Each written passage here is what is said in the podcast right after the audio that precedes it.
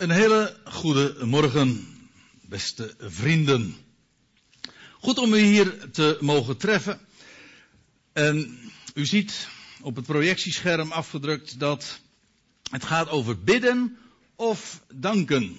En ik kan me voorstellen dat sommige mensen misschien zich een beetje storen aan deze titel. Alsof we een keuze tussen beide zouden moeten maken. Maar ik beloof u dat ik er nog op terugkom en ik zal het ook zeker gaan toelichten.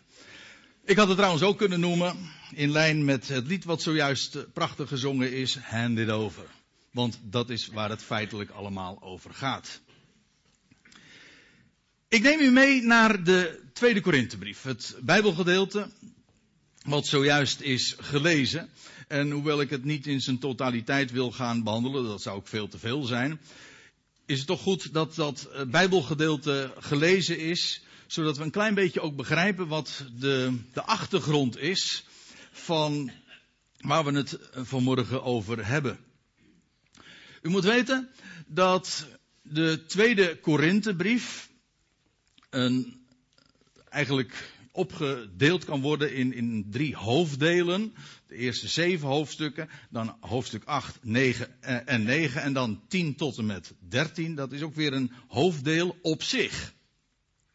Waarin, en dat is uh, duidelijk vanaf de aanvang van dit deel dan, hoofdstuk 10, dat Paulus zich verdedigt tegenover aanvallen op zijn apostelschap. Apostelschap, dat betekent dat hij een afgevaardigde is. Een, het woord apostel, dat is het Griekse woord voor een afgevaardigde. Van wie was hij afgevaardigd? Wel, hij was afgevaardigd door Christus Jezus, een typisch Paulinische term, door Christus Jezus zelf.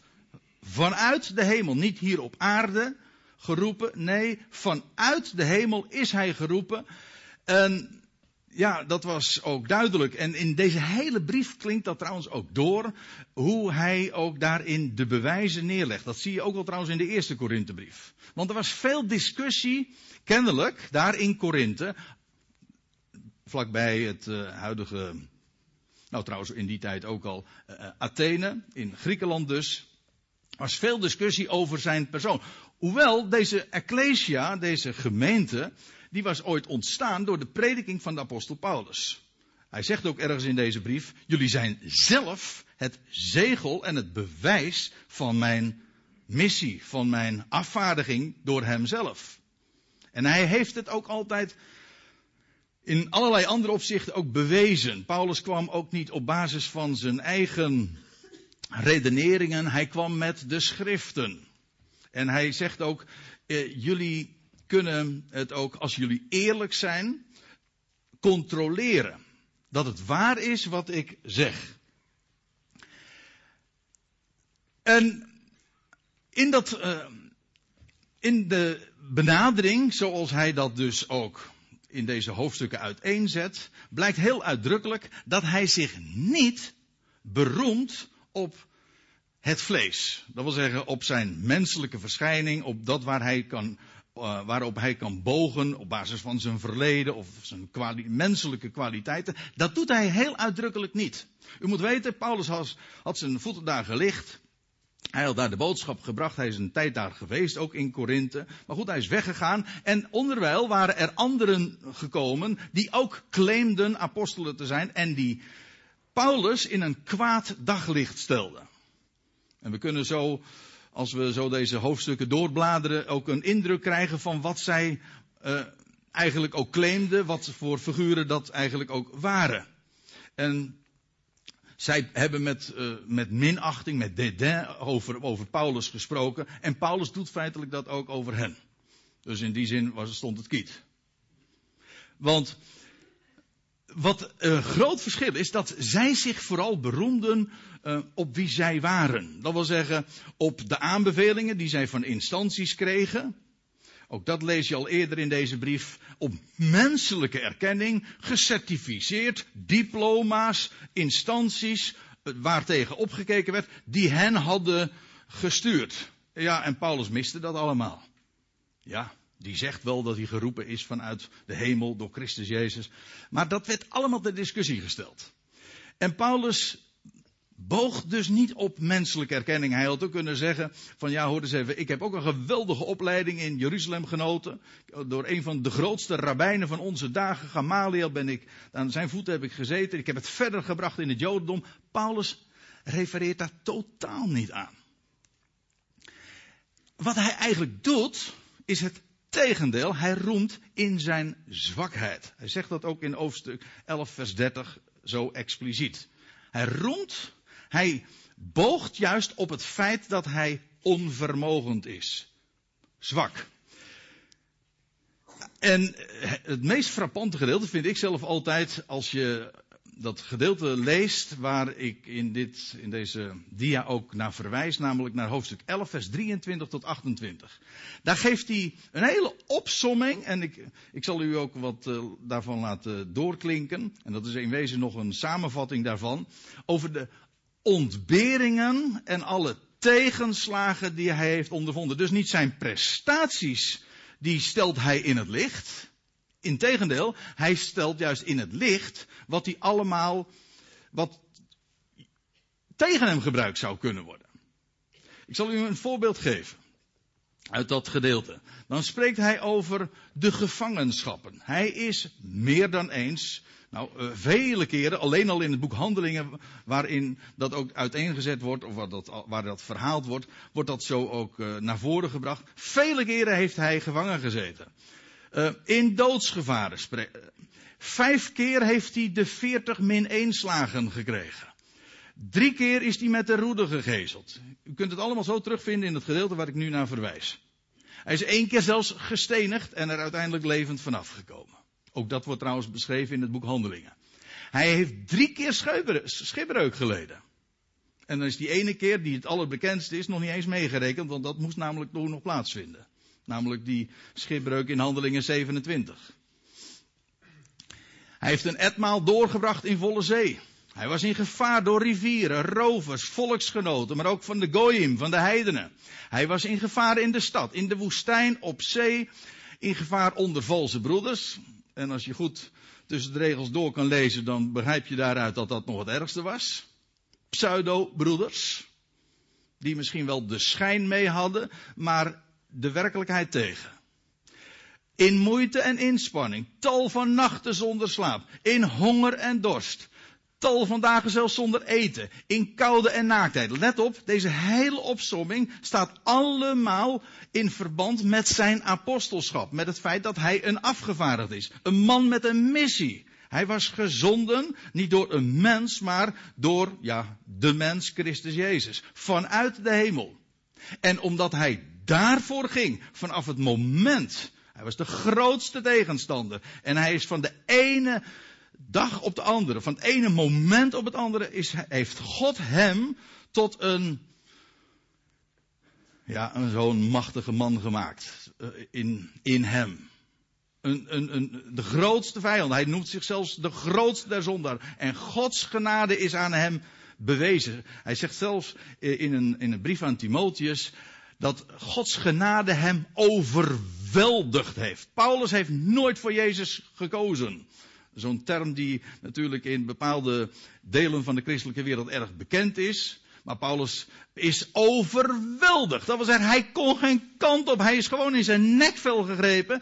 En ja, de genade van hem, de genade van God was zo evident, was zo duidelijk, heeft zich aan hem bewezen. Er hoeft er helemaal niet meer gekozen te worden. Dat zou een term zijn die totaal niet in dat hele plaatje zou passen. En hij is ervoor gegaan. Vanaf de vanaf dat moment dat hij geroepen werd op de weg naar Damascus, werd hij een compleet ander mens. En hij heeft dat geweldige bericht doorgegeven over van die ene God die alles in zijn hand heeft en die de wereld leidt naar zijn plan en alles tot een goed einde brengt. Allemaal door zijn zoon die de dood van zijn kracht berooft en leven en onvergankelijkheid aan het licht brengt. Nou ja, ik zit zomaar wat teksten te plukken uit, uit, uit zijn brieven. Waarin, waarin duidelijk wordt, ja, waarom die boodschap die hij bracht, ja, aan de ene kant haak stond op alle menselijke traditie, vooral godsdienstig. En vandaar ook dat hij zo enorm veel tegenstand heeft te verduren gekregen. Want het was revolutionair. Niets van de mens, alles van hem. En dat is zo'n geweldige uh, boodschap. Het is echt een goed bericht. Daar kun je niks aan afdoen. Je kunt er niks aan toedoen. Het is een melding, een mededeling, een bericht. Zo geweldig. En ja, hij heeft het verteld. En een heleboel tegenstand riep dat op aan de ene kant. En aan de andere kant voor de mensen die geroepen zijn. Is het ook net zoals voor Paulus duidelijk. Het is de waarheid. Het kan niet anders. En dan worden je ogen geopend. Wordt je hart geopend. En dan kniel je neer en wat bent u geweldig. Ja, dat is geloof. Dan beaam je het. Nou ja. Goed. Wat heeft Paulus allemaal te verduren gekregen? Dit is zo'n kleine opsomming. Nou ja, ik schreef tenslotte dan nog maar bij enzovoort. Want in werkelijkheid gaat het lijstje nog verder. Dan zegt Paulus zelf ook nog, nou ja, afgezien van alle dagelijkse beslommeringen, et cetera. In mijn zorg voor de Ecclesia's. Nou ja, dit is zo'n lijstje wat Paulus allemaal uh, kon opsommen. Dankzij het feit dat hij een man was, een afgevaardigde van Christus Jezus. Geen prestaties, maar wel dingen die allemaal het gevolg waren, het resultaat van zijn roeping en van het feit dat hij deed wat hem als een last op, de, op zijn hart lag. Nee, op zijn schouder weet ik niet. Want het was een last op zijn hart. Hij kon niet anders dan daarvan spreken. Wat in deze opsomming in deze hoofdstuk in de Korinthebrief ook nog duidelijk is. Paulus, eh, hij roemt in zijn zwakheid. Ik gaf het zojuist al even aan. Maar hij zet zichzelf ook te kijk. In, uh, in, in vlak het voorafgaande. Nee, we hebben het nog gelezen zojuist. Dat hij ook inderdaad vluchtte uit Damascus. Zaten ze hem ook al op zijn hielen. En dat was eigenlijk nog maar kort na zijn roeping. En dat, dat was echt een vernederende ervaring. In de letterlijke zin van het woord zelfs en figuurlijk ook, dat hij in een mandje zo buiten de stadspoorten gelaten werd, zoals je in dit plaatje dat ook ziet. Ja, dat is komisch, kolderiek, dat, dat, dat, dat zet je niet op je cv, dat, want het is echt een hele vernederende ervaring. Nou, daarom, Paulus rond in zijn zwakheid. Nou, en nou kom ik eigenlijk steeds dichter bij mijn punt. Ja, ik heb er altijd wat, uh, doe er altijd wat lang over. Moet u me maar verder niet kwalijk nemen. Maar in elk geval, eh, dan krijg je het gedeelte, in hoofdstuk 12 begint dat in vers 1, dat Paulus gaat vertellen over een mens in Christus. Hij neemt als het ware ook afstand. Hij spreekt in de derde persoon over hem. Hij was het zelf, maar ja, hij, stond, hij was met recht buiten zichzelf. En misschien dat dat ook de reden is waarom hij in de derde persoon spreekt. Wat afstandelijk. Hij spreekt niet over zichzelf, over zichzelf roemt hij niet. Dat wil zeggen, als mens naar het vlees, zijn aardse verschijning hier zo, dat wat mensen konden zien en meemaken van hem. Daarover roemde hij niet. Maar nou ging hij spreken over een mens in Christus. En uit de context is volstrekt helder dat hij het over hemzelf gaat.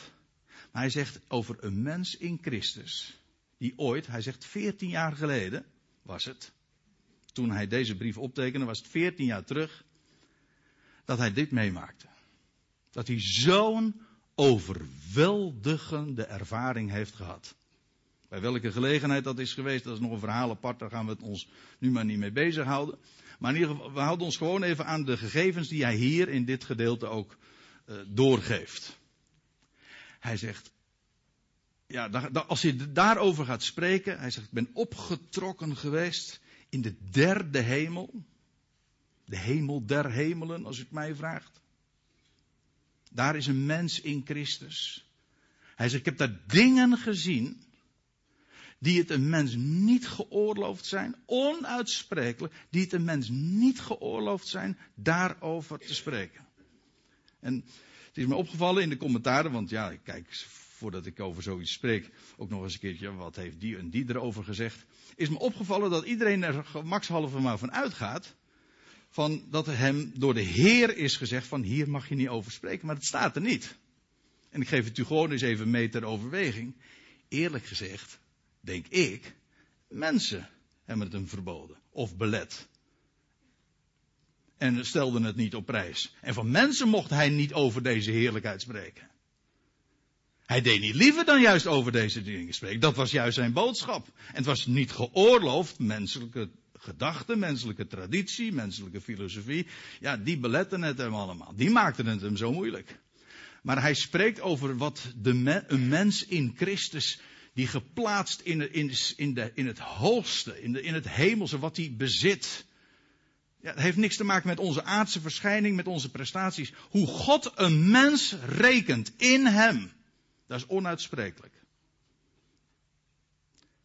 Dat is zo overtroffen. Dat is zo letterlijk hoog staan. Dat gaat zo boven al het aardse uit.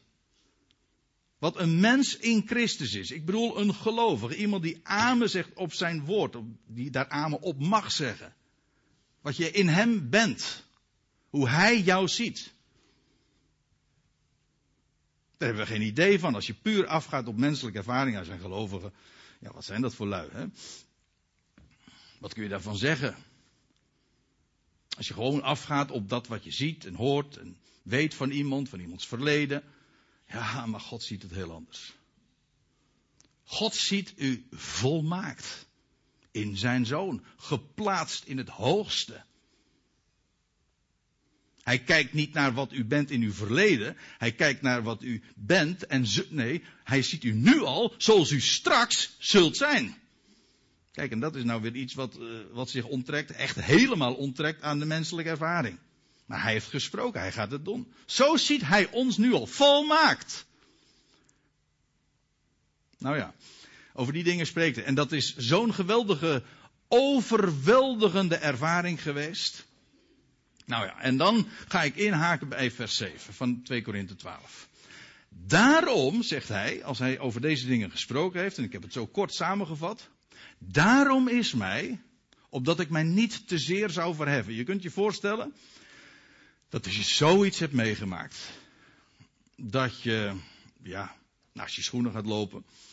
Nou, hij was eigenlijk in extase buiten zichzelf al. Maar dat je echt inderdaad ook in die toestand ook blijft.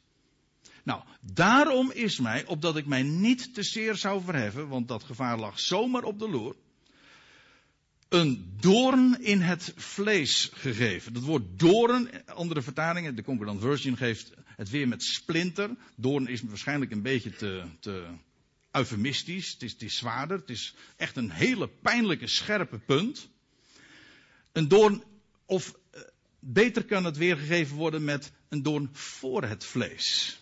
Het woordje in staat er eigenlijk niet eens, staat in de derde naamval, maar goed, een doorn voor het vlees een pijnlijke, scherpe punt die hem als mens in het vlees klein hield. En daar is heel veel over gespeculeerd.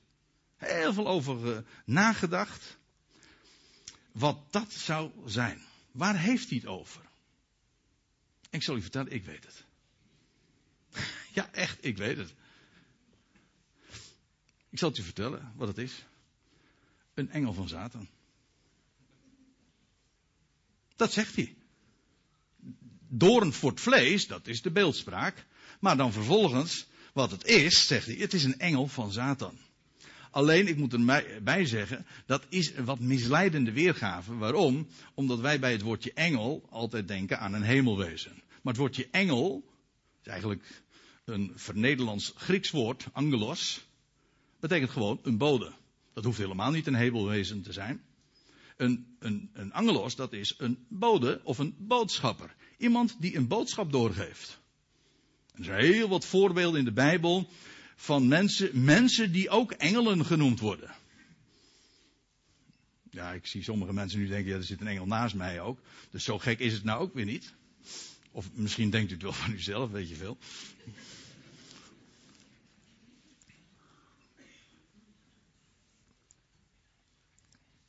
Een engel, een bode. Dat is het. En dan wordt het ineens nog veel concreter.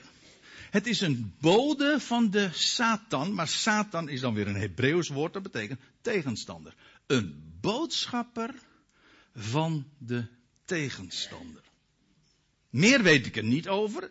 Als u vraagt wat is die engel, die doorn voor het vlees, dan zeg ik ik weet het. Het is een boodschapper van Satan, van de tegenstander. Wie dat was, verder weet ik niet. Paulus zegt er wel dit over.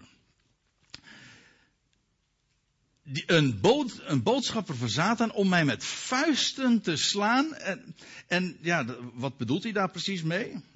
Nou, één ding weet ik wel. Er staat bij, opdat ik mij niet te zeer zou verheffen. Dat, daar begon hij deze, dit vers mee. En hij eindigt er ook weer mee. Waarmee dus aangegeven is, opdat hij zich niet zou verheffen, of niet te zeer zou verheffen, vanwege die ervaring die hij had meegemaakt 14 jaar daarvoor. Wel is hem een boodschapper van Satan gegeven, die ervoor zorg droeg dat hij zich niet kon of zou verheffen. Kortom, het was een pijnlijke, want het was een doorn, een splinter, een pijnlijke scherpe punt voor zijn vlees, die hem als mens heel klein hield en die hem vernederde.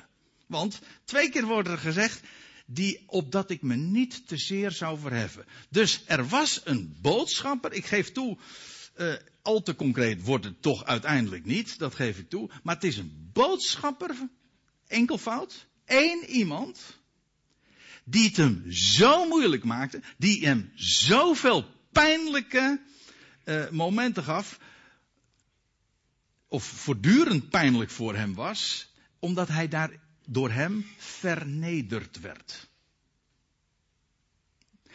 Of hij daarbij doelt, ik denk uit de hele context, dat, dat lijkt me voor de hand liggen, dat het inderdaad iemand daar in Korinthe was. Iemand die Paulus zo pijnlijk vernederde. En dat was een voortdurend doorn of splinter voor zijn vlees. En God had het hem gegeven. Dank u wel, God. Nou ja, maar daar gaan we het nu dus verder over hebben. Want Paulus gaat juist daar ook over uh, verder spreken. Want in wezen, dat wat hij uh, in het voorgaande heeft gesproken over die, die ervaring 14 jaar daarvoor. Dat was alleen maar inleiding om zijn punt te maken. Namelijk die kwestie van die zwakheid. Wat zwakheid voor Paulus betekende. En laten we meteen maar verder gaan. Goed, hij had dus die doorn voor het vlees, dat wil zeggen die, die, die boodschapper van de tegenstander die hem zo pijnlijk vernederde. Die ervoor zorg droeg dat hij zich niet kon verheffen. Dan zegt Paulus dit. Drie keer heb ik de Heer hierover erbij geroepen. Dat is het woord wat hij letterlijk zegt. Drie keer heb ik de Heer hierover erbij geroepen of gebeden van mijn part. Dat hij dat wil zeggen die boodschapper van de tegenstander, van mij zou aflaten. Dat hij weg zou gaan. Drie keer. We zouden zeggen, een bidstonde misschien wel georganiseerd. Hoe logisch ook niet. Als je zo'n eh, als je zo'n eh, pijnlijke ervaring voortdurend met je meedraagt. Drie keer heeft hij de Heer hierover gebeden. En daarvan zou je zeggen van nou het is toch geweldig als je een nood hebt, wat doe je dan? Je brengt het bij de Heer. Zegt hij dat trouwens later ook niet in de Colossense, nee, in de Filippense brief, dat, dat, we bij, dat we bij alles onze wensen door gebed en smeking bij God bekend zouden maken. Dus er is geen enkele limiet daarin. Als er iets op je hart ligt, maak het hem bekend. Wel, drie keer heeft hij dat gedaan. Maar dat is niet het hele verhaal. Natuurlijk, je kunt al je wensen bij hem bekendmaken. Maar het feit dat hij drie keer gedaan heeft. En dat hij door niet is weggenomen. Had een reden. Hij heeft namelijk antwoord gekregen van de Heer. Hoe, weet ik niet, maar hij heeft een antwoord gekregen. Hij, de Heer dus, heeft tot mij gezegd. Mijn genade is jou genoeg. Dat wil zeggen, ik geef jou om niet. Ik handel in genade met jou. Genade betekent vreugde om niet. Je maakt iemand blij, gewoon, zonder enige prestatie, zonder dat er een prijskaartje aan hangt. Ik doe dat gewoon. Dat is wat genade is. Hij zegt, en, de Heer had gezegd, Paulus, jij bidt nu wel, maar hou nou maar op. Mijn genade is jouw genoeg. En genoeg betekent genoeg. Voldoende. Sufficient, zegt de Engelse uh, uh, vertaling. Dat wil zeggen, genoegzaam, is een wat oud-Nederlands woord. Het is toereikend voor alles, niet wat jij wenst, maar voor alles wat jij nodig hebt. Waarvan ik weet dat jij nodig hebt. Ik weet wat jij nodig hebt. Ik weet trouwens ook wat jij niet nodig hebt. En die genade is jou meer dan genoeg. Hoezo? Nou, dat wordt dan nog uitgelegd in de, want het eerste deel van het antwoord is: Mijn genade is jou genoeg. Dat is één. Maar hoezo dan? Wel, want de kracht van mij, de kracht van de Heer, dat blijkt uit het eind van het vers ook. De kracht van mij openbaart zich eerst ten volle in zwakheid. Eigenlijk staat dat, wat, wat hier onderstreept staat, dat is in het Grieks één woord. En dat betekent uh, letterlijk, dat wordt voltooid in zwakheid. De kracht van mij wordt compleet, wordt voltooid, wordt afgemaakt, afgerond in zwakheid. Met andere woorden, als je zwak bent, en zwak betekent onvermogend, je hebt niet de energie, je bent niet in staat om iets het hoofd te bieden. Het zwak, zwakte kan van alles wezen. In, in, de, in het Nieuwe Testament is dit specifieke woord zwakheid, of zwakte, uh, meestal uh, een weergave of een aanduiding van ziekte. Maar het hoeft niet per se ziekte te zijn, dat is een veel omvattender begrip. Het is altijd wanneer een mens aanloopt tegen zijn grenzen. Tegen een muur aanloopt dat hij niet verder kan. Of, of uh, als ik het verticaal benader, tegen je plafond zit. Je kan, je kan niet hoger. En dan, dan stuit je op je onvermogen. Je bent zwak. Niet sterk genoeg om iets het hoofd te bieden. Nou, wat doe je dan? Kijk, normaal gesproken, wat een mens doet, is. Ja, waartoe je in staat bent, je vermogens, dat doe je. Natuurlijk. Maar op een gegeven ogenblik kom je erachter, ik kan het niet. En het wordt hier in wezen ook. Uh, kijk, die, door, die specifieke doorn in het vlees voor Paulus, dat was iets waarvan hij concreet kon aangeven wat het was. Dat is een boodschapper van de tegenstander. Maar in het, al, het antwoord dat de Heer geeft, dat is een algemeen antwoord. Het ene was voor, specifiek voor Paulus, maar het andere, dat is in wezen waar we allemaal ook onze eigen zwakheid bij kunnen invullen. Op het moment dat je namelijk niet meer kan, onvermogend bent, wat doe je dan? Als jij het niet meer kan, zeg Heer, ik kan het niet. Dat is gewoon een eerlijke erkenning. Ik kan het niet. Kijk, en op dat moment, ja, dan komt God in de picture. Want als jij het niet meer kan, dan, dan richt je je tot degene die alvermogend is. Voor wie niets te wonderlijk is en die niet kampt met zwakte, integendeel, die kracht geeft in overvloed.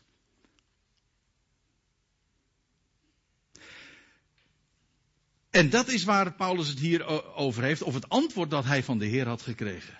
Mijn, uh, of de Heer had tegen hem gezegd, de kracht van mij, die openbaart zich juist als jij zwak bent. Als jij dan niet meer in staat bent tot, en je hebt het ook toegegeven, Heer, ik kan het niet meer. Ik kan dit niet. Vul in wat je wil.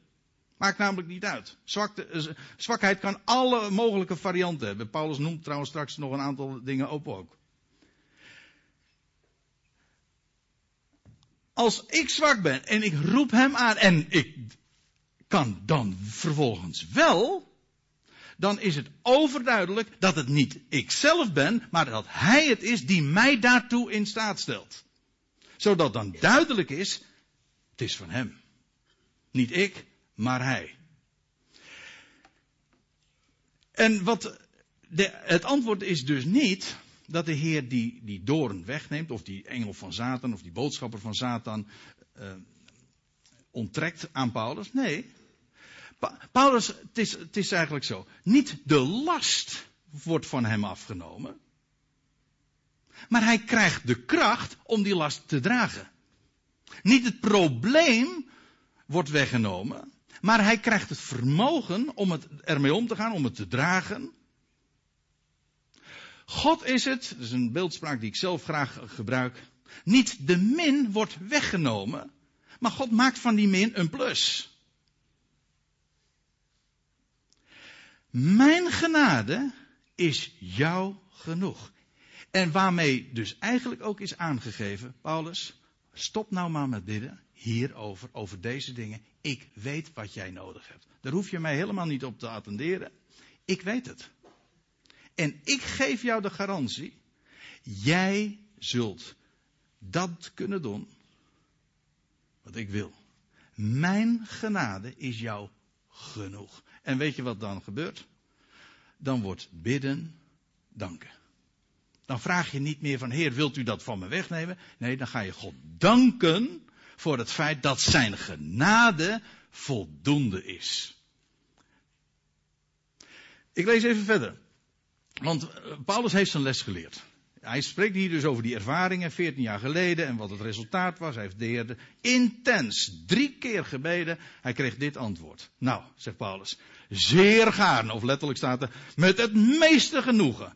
Ik geef toe, in deze hoofdstukken klinkt nogal eens soms een wat overdreven, op wat satirische toon door. Dat is waar. Maar het is toch, de, de statement is duidelijk genoeg. Zeer gaarne, met het grootste of met het meeste genoegen, zal ik nog meer dus in zwakheden gaan roemen. Want als dit waar is, Paulus heeft zijn les geleerd hoor. Als dit waar is, dat zijn kracht voldoende is en dat zijn kracht juist voltooid wordt, duidelijk wordt, zichtbaar wordt in zwakheid, nou dan zegt Paulus, dan moet ik ook de enige, de onontkoombare conclusie trekken en dat is dat ik dus met het meeste genoegen in zwakheden nog meer zal gaan roemen. Waarom? Nou, opdat de kracht van Christus, opdat de kracht van Hem dus over mij komen. Het woord wat hier staat, dat is, ja, men heeft het eh, ook wel weergegeven, dat is misschien de meest letterlijke weergave nog, over mij, eh, mij zal inkwartieren. Als letterlijk staat er, als een tent zich over mij zou uitspreiden, mij helemaal zou eh, innemen, in bezit zou nemen. Mij zou huisvesten. Ik weet niet welk goed woord ik, uh, wat, wat, wat daar het beste bij ingevuld kan worden, maar in ieder geval dit. Paulus zegt, ik ga roemen in zwakheid. Als dit, waar, als dit antwoord van de Heer de waarheid is, dan kan ik er niet onderuit dat inderdaad zwakheden alleen maar een gelegenheid zijn voor hem om zijn kracht te demonstreren. Daarom zegt hij, en nou ja, dit is dus de les die hij vervolgens voor zichzelf uh, geleerd te hebben. En vervolgens ook dat dat zijn levenspraktijk is geworden. Daarom zegt hij, ik heb een welbehagen. Een, dat is een oud Nederlands woord voor, ik heb er een plezier in. Ik heb een plezier in zwakheden. Dat wil zeggen, het gaat er niet om dat Paulus nou zwakheden verheerlijkt. Hij, hij zegt, ik niet een, hij zegt uh, die, die, die zwakheden waren geen plezier of een welbehagen voor hem. Hij had in zwakheden behagen. Waarom? Nou ja, eh, ik zal het u nog straks laten zien, maar dit is zijn conclusie. Ik heb een plezier in zwakheden. In mijn onvermogen, welke vorm dan ook. Of in smaadheden. Nou ja, daar heeft hij, daarmee refereert hij ook nog wat aan die, die, aan die boodschapper van Satan, die hem dus schoffeerde. Want dat woord, het woord wat hier gebruikt wordt, dat heeft te maken met inderdaad geschoffeerd worden, vernederd worden. Hij zegt, ik heb een welbagen in zwakheden, in smaadheden, in noden. Dat wil zeggen in noodzakelijke behoeften, als, ik, als daarin niet voldaan wordt. Nou, uh, in vervolgingen, achterna gezeten worden. Paulus wist waar hij het over had. Hij had zojuist een hele lange lijst daarvan gegeven. Benauwenissen, stress, druk van buiten. U weet het, als je druk van uh, buiten ondervindt, dan krijg je het benauwd. Nou, al die dingen, ter wille van Christus. In dat teken staat het hier allemaal. Dat is het enige wat voor Paulus trouwens ook telde. Dat is een man met een visie. Dat was niet een man die, die zich helemaal opsloot in zijn eigen kleine privéwereldje. En zijn eigen huistuin en keukenvragen had. Die man die had een visie, die had een, een roeping en die was opgetrokken geweest in de derde hemel. Die had zo'n enorm uitzicht, universeel voor deze hele schepping. Er is een God en die alle dingen wel maakt. Nou, dat is, ja, dat is het panorama waar dat Paulus voor ogen stond. Dat, dat is wat hij overal bekend heeft gemaakt. Goed. En al die dingen, die hij dan tegen zich, uh, die hij meemaakte, tegen zich, hè, minpunten in zijn leven. Paulus zegt, ik heb er een plezier in. Waarom? Dat is geen masochisme, dat is geen, geen genoegen hebben in pijn aan zich. Nee, hij zegt, als ik zwak ben, we hebben het trouwens zojuist ook gezongen. Het kan zo'n mooie frase worden, maar het is de waarheid waar Paulus, waar hij pijnlijk achter is gekomen. Hij heeft het antwoord gekregen van de Heer zelf. Dat is zijn woord. Mijn genade is jou genoeg. Wat ik jou geef, dat is volstrekt toereikend. Als ik zwak ben, zo so what? Nee, nee, dat is nog te zwak gezegd. te zwak gezegd, ja. Het is niet zo uh, so what als ik zwak ben. Sterker nog, als ik zwak ben, dat is de reden waar, waarom juist zijn kracht openbaar gaat worden. Als ik zelf de dingen kan. Ja, hoe zou dan zijn, waarom zou ik dan zijn kracht nodig hebben? Heb je helemaal niet eens nodig. Juist als ik zwak ben, onvermogend, dan blijkt dat. En dat is de les. Het ging er dus helemaal niet om. Dat, uh, en dat is wat Paulus in, deze, in, deze, ja, in dit gedeelte naar voren brengt. Ja, hij had gebeden. En dat gebed voor die uiterlijke omstandigheden, dat verdampt. Het werd dankzegging. En dat bedoelde ik ook met bidden of danken. Inderdaad, dat bidden voor die omstandigheden, dat heeft plaatsgemaakt voor het besef en daarmee ook de dankbaarheid. Gods genade voorziet in alles in mijn leven. Ik hoef de Heer daar niet aan te, aan te herinneren of op te wijzen. Ik hoef, niet, ik hoef niet aan hem te vragen van Heer, Heer wilt u voor mij zorgen? Dat klinkt gelovig, maar eigenlijk is het ongelovig. Want je suggereert daarmee dat hij het misschien niet zou willen. Hij geeft op voorhand de garantie, ik zorg voor jou. Ik geef je wat jij nodig hebt. En we zegt van ja, maar uh, Paulus bidt toch ook? Ja, weet je waar hij voor bidt? Waar Paulus voor bidt, in lees het maar na in zijn brieven. Dan gaat het niet meer om zijn aardse omstandigheden. Ja, hier in 2 Korinthe 11. Daar lees je inderdaad dat hij, dat hij bidt voor zijn omstandigheden. Maar dat heeft hij afgeleerd. Hij heeft geleerd dat hij daarvoor zou danken. En waar hij voor bidt in zijn brieven, is dat we open ogen zouden krijgen voor wie we in hem zijn. Dat we zouden gaan beseffen hoe rijk de heerlijkheid is van hem. Ik zal u even meenemen naar, dat is het laatste wat ik u wil laten zien, naar Efeze 3. Daar zie je dat, ja, daar heeft Paulus juist gesproken over de geweldige dingen die aan hem geopenbaard zijn. Die een mens niet geoorloofd zijn uit te spreken, maar Paulus heeft in de, zet het in deze brief geweldig uiteen. Nou, en dan zegt hij in vers 14 van Efeze 3. Om die reden, ik ga er vrij snel doorheen, maar het punt uh, moet duidelijk zijn. Om die reden, als hij dat zojuist allemaal uiteengezet heeft. Om die reden buig ik mijn knieën voor de Vader. Naar wie alle geslacht in de hemel op de aarde genoemd wordt. Opdat hij u geven. Naar de rijkdom van zijn heerlijkheid met kracht, heb je dat woord weer. Dynamisch dat Hij jou in staat stelt tot. Dat, opdat Hij u geven naar de rijkdom van Zijn heerlijkheid met krachten gesterkt te worden door Zijn geest in de inwendige mens. Die uitwendige mens, dat is een aardevat. Dat is breekbaar, dat is broos. En daar gaat het niet om. Het gaat om die schat die daarin zit. Zijn woord, dat is het leven. Dat is het enige wat, uh, wat, wat telt. En het gaat er niet om dat jouw aardse omstandigheden anders worden. Het gaat erom dat jij in de omstandigheden, en daar ga jij niet over, ik bedoel de Heer, die, die, zijn genade is genoeg. Maar dat je in die omstandigheden, dat je oog gaat krijgen, besef gaat krijgen, gaat beleven wat de rijkdom is van zijn heerlijkheid. Dat is iets van, heeft te maken met de inwendige mens, niet de uitwendige mens. Daar zorgt de Heer voor op zijn manier. Hoef je hem niet aan te herinneren, dat, is, dat zit goed. Zijn genade is genoeg. Maar opdat hij u geven naar de rijkdom van zijn heerlijkheid met kracht gesterkt te worden door zijn geest in de inwendige mens. En dan zegt Paulus, hem nu. Die naar de kracht welke in ons werkt bij machten is. Over overdadig veel meer te doen dan wij bidden of begrijpen. Begrijp, begrijp je wat hij hier zegt? Er is een kracht in ons, er staat een kracht ter beschikking. Er is een Heer met de rijkdom van zijn heerlijkheid. Dat is zo, dat gaat boven alles uit.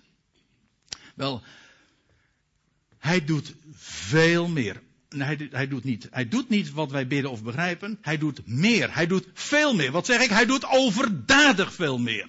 Dan wij bidden of verzoeken en vragen. Het was ooit, ja, dat vond ik wel een mooie uitspraak in dit verband. Het was geloof ik Maarten Luther die dat ooit zei. Hij zegt, als wij om zilver vragen, dan geeft God goud. Nou, dan mogen wij uh, vervolgens over gaan bekvechten of ons gebed dan verhoord is. Ja, je kan ja uh, verdedigen, je kan nee ook verdedigen, maar maakt niet uit. Kijk, dit is wat het toe doet. Hij doet overdadig veel meer dan wij bidden of begrijpen. begrijpen over, ja, wat weten wij nou wat we nodig hebben?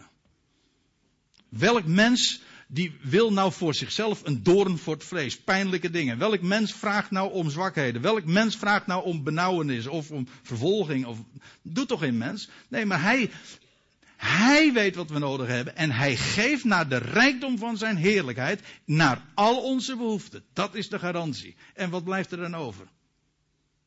Nou, dat we danken. En voor zover we bidden, dan is het dat onze ogen daarvoor geopend worden. Voor de rijkdom van die heerlijkheid. Hem zij de heerlijkheid in de Ecclesia en in Christus Jezus. Tot in alle geslachten van de Aion der Ionen. Amen.